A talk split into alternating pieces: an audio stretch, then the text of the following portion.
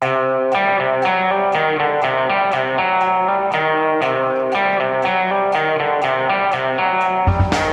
Morna Jensen. Siv Jensen trekker seg som leder for Fremskrittspartiet. Dette er Giæver og gjengen med en ekstrautgave torsdag den 18. februar.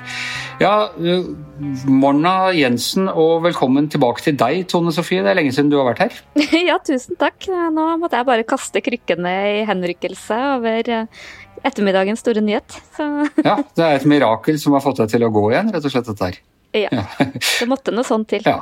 ja, for dette kom overraskende på hele det politiske Norge. Ja, ja, ja. Jeg tror um, Hvor Siv Jensen skulle finne motivasjonen til å, å, stille opp i fire nye år, det tror jeg mange av oss har, uh, har stilt oss spørsmål om. Men jeg tror ingen hadde forutsett det som skulle komme. Men når det først kom den der hemmelighetsfulle innkallinga til pressekonferanse, så var det jo 'Skal Siv Jensen gå?' som det ble surra om. Og alle sammen bare sånn Det er jo egentlig ikke så unaturlig. Er det et bra tidspunkt å gå på, sånn rent timingmessig? Det er jo det, fordi hun rekker å trekke seg fra Stortinget Stortinget, og ikke binde seg der i, i uh, fire år. Uh, men det er jo på mange måter underlig at du ikke har gjort det før. Det var et landsmøte i uh, så sent som i september-oktober, om jeg ikke husker feil, hvor hun ga inntrykk av at hun var fullt motivert på å brette opp armene og, og, stå på videre. Så liksom når partiet nå først skal reetablere seg, som er en ganske stor jobb, så kunne hun jo, jo ha gitt dem bedre tid til det. Så det er grunn til å tro at hun har bestemt seg i løpet av det siste halvåret?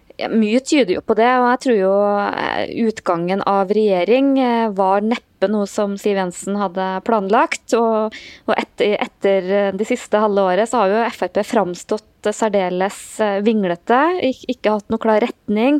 Siste ukene vil jeg nesten si at jeg har framstått desperat i alle mulige retninger. Så jeg tror nok at det, det, er et uttrykk for det. Dårlige meningsmålinger. Men jeg tror nok at man skal tro Siv Jensen på at det er andre ting i livet hun vil gjøre enn å, enn å gjete et uh, Frp, som nok vil ta ganske lang tid å, å, få opp til gamle høyder, og hvor det er liksom vanskelig å liksom stake ut en sånn tydelig retning og kurs for et parti som er veldig ja, splitta på ganske mange måter. Da. Ja, fordi Siv Jensen er for noen av oss fortsatt uh, et ungt menneske, Hanne, med, med mange gode år i arbeidslivet i hvert fall foran seg.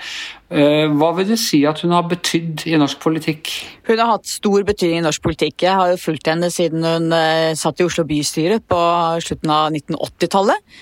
Eh, hun var den som si, gjorde Frp til et ansvarlig regjeringsparti. Hun har vært en, en av de mest markante partilederne. Har vært virkelig A-laget i norsk politikk. Brakte Frp inn i regjering. Ble en mye mer solid og tung finansminister enn det jeg tror noen hadde ventet seg.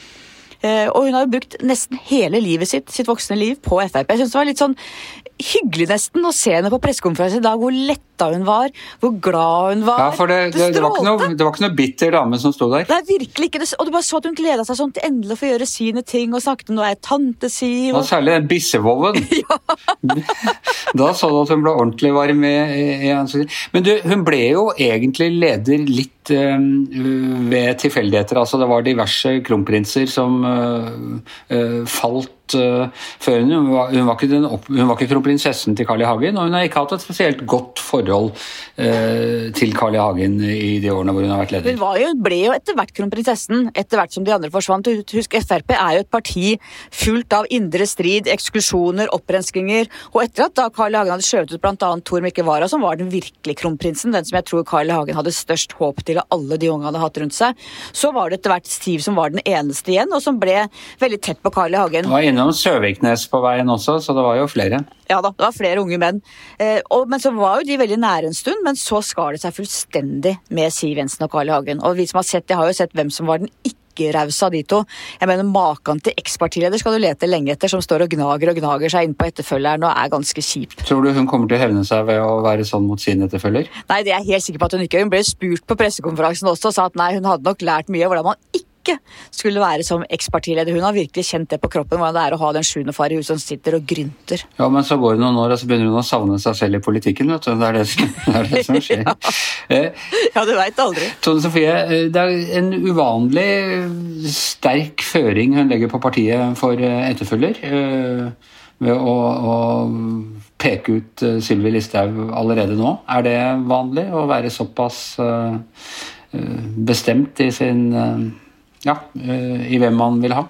Nei, det er jo ikke vanlig for eh, andre partier, men Frp er jo ganske uvanlig parti med den her veldig sånn sterke sentralstyringa fra toppen. Det så vi jo tidligere i høst, når hun resolutt kasta ut eh, fylkeslederen i Oslo Frp og la ned et par lokallag i, i samme slengen. Det er en kultur som eh, Frp er relativt alene om, vil jeg si. Selv om sikkert i andre partier så foregår det nok en mer sånn tydelig eh, kroning i kulissene. Men, men det, det, er veldig interessant det grepet hun, hun gjør med å peke så tydelig på Sylvi Listhaug. For uh, hvis, når man snakker med kilder i Frp, da, så, så er det, det er veldig mange ulike virkelighetsforståelser av hva som egentlig foregår.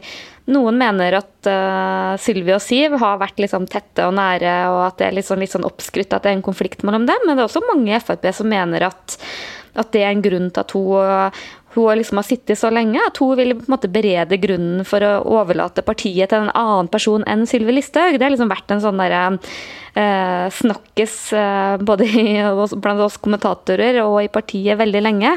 Og nå er det jo nettopp Sylvi Listhaug hun, hun berede grunnen for. Og det er egentlig Hvis noen har sagt det for to år siden, at det var eh, der Siv Jensen ville peke, så tror jeg mange ville ha trodd at det ikke stemte. Ja, For litt utenfra sett så ville man jo kanskje tro at Ketil Solvik-Olsen var eh, mer Siv Jensens fløy i partiet? Ja, definitivt. At han står henne nær. Eh, en politiker som Jon Georg Dale, som trakk seg fra Stortinget, har jo blitt regna som en del av hennes fløy og en del av disse liberale i partiet, mens Sylvi Listhaug har vært en sånn retning som hennes fløy ikke har ønska seg. Så det har nok eh, eh, det har nok skjedd en, en, mye mer sånn tilnærming eh, mellom de fløyene, om vi kan kalle det det. Og det har vi også sett det siste året hvor Siv Jensen hadde med seg Sylvi Listhaug når hun eh, fikk ekskludert fylkeslederen i Oslo Frp. Eh, Siv Jensen har nok blitt, Sylvi Listhaug har nok blitt mye mer sånn ansvarliggjort, og jeg vet ikke om jeg kan kalle det voksenopplæring, men noe har i hvert fall skjedd eh, der med henne. Ja, Så spørs det jo om Siv Jensen hadde noe valg, eller om det var slik at partiorganisasjonen som sådan ønsket seg Sylvi Listhaug var den litt mer hva skal si, aggressive opposisjonspolitikeren framfor en mye mer establishment-politiker, som Kjetil Solvik-Olsen jo er. Men Altså, Vi vet jo at Siv Jensen hadde ikke så lyst på å forlate regjeringen opprinnelig. Hun tydeligvis veldig godt, er jo en av de som har sittet lengst i hele norgeshistorien som finansminister. Og, og, skulle nok gjerne vært en som satt lengst også. Fjerde lengst, tror jeg. Fjerde lengst siden 1800-tallet. Rett og slett. Var det noe som sa. Og, øh, men hun, det, det, måtte hun altså. Og så viste det seg jo at det var feil. Det hadde vært bedre, hadde det ikke det, Tone Sofie, for, for Fremskrittspartiet å bli i regjering og få litt sånn koronaeffekt og Eh, og sånn? Eller var det lurt av dem å trekke seg og bli et miniparti? Det var et ledende spørsmål, det merker jeg. Nei, men uh, sånn, i en normaltilstand ville det kanskje vært riktig for Frp. For jeg tror det interne samlivet i den regjeringa, det var ikke til å, å, leve med hvis de skulle klare å fortsette. Men så kom jo den koronaen uh, som ingen kunne forutse, og som gjorde det fryktelig krevende. men men eh, sånn, Siv Jensen er jo ikke den type politiker som sitter og skravler på bakgrunnen om hva hun egentlig tenker og føler. Har jo holdt veldig på at hun, mener det var riktig å ta Frp ut av regjering. Jeg, jeg tror liksom det, det viktigste sånn, eh, som tyder på at hun ikke snakker 100% sant der, er hvordan partiet har eh, framstått etter at de gikk ut av regjering. For de har framstått usedvanlig vinglete, uklart virker ikke som de har hatt noen strategi med hvor de er ville. Ene dagen så har de på en måte vært en del av en sånn rød-grønn Og så har de, de har på en måte skøvet fra seg ulike velgergrupper etter tur. da. Det eh, har vært veldig sånn rart å se på egentlig hvordan eh, de har opptrådt. Og jeg tror nok også at, at de har heller ikke noen sånn klar strategi eller Eh, enstemmighet i partiet om hvordan de skal liksom ta partiet videre. og Det tror jeg nok Siv Jensen ser. Og det kan jo hende at hun har vært lite motivert, at det gjør også at eh, hun heller ikke har klart å styre så godt som hun burde ha gjort. Er det noen som helst sjanse for at det ikke blir Sylvi Listhaug eh, som overtar, Hanna? Nei, det tror jeg ikke. Jeg tror jeg er veldig til å velge, vedde mye på at det blir Sylvi Listhaug som tar over. Så bare legge til noe Tone Sofie sier, at det er klart det har jo ikke vært lett å være opposisjonsparti da korona kom heller. Det ser vi jo. Arbeiderpartiet har ikke funnet rollen sin. Mm. Slagsvold Vedum har veldig funnet rollen, han har på en måte skåra alt, men alle de andre partiene sliter med å finne ut hva skal de gjøre. Og særlig Frp, som er et eks-regjeringsparti som har ansvar for mye av det som ble fattet av beslutninger før koronaen kom, inkludert da beredskap og sikkerhet og disse tingene som vi har sett. Ikke, ikke nok hansker, ikke nok masker. Og så skal de plutselig inn i opposisjon som de ikke har vært i på lenge, og så kommer pandemien hvor regjeringa får full kontroll på pressekonferanse og alt. Det er klart, det har ikke vært lett heller å finne den rollen. Nei, men som du sa det, uh, Senterpartiet har klart det, så, så, umulig er det ikke.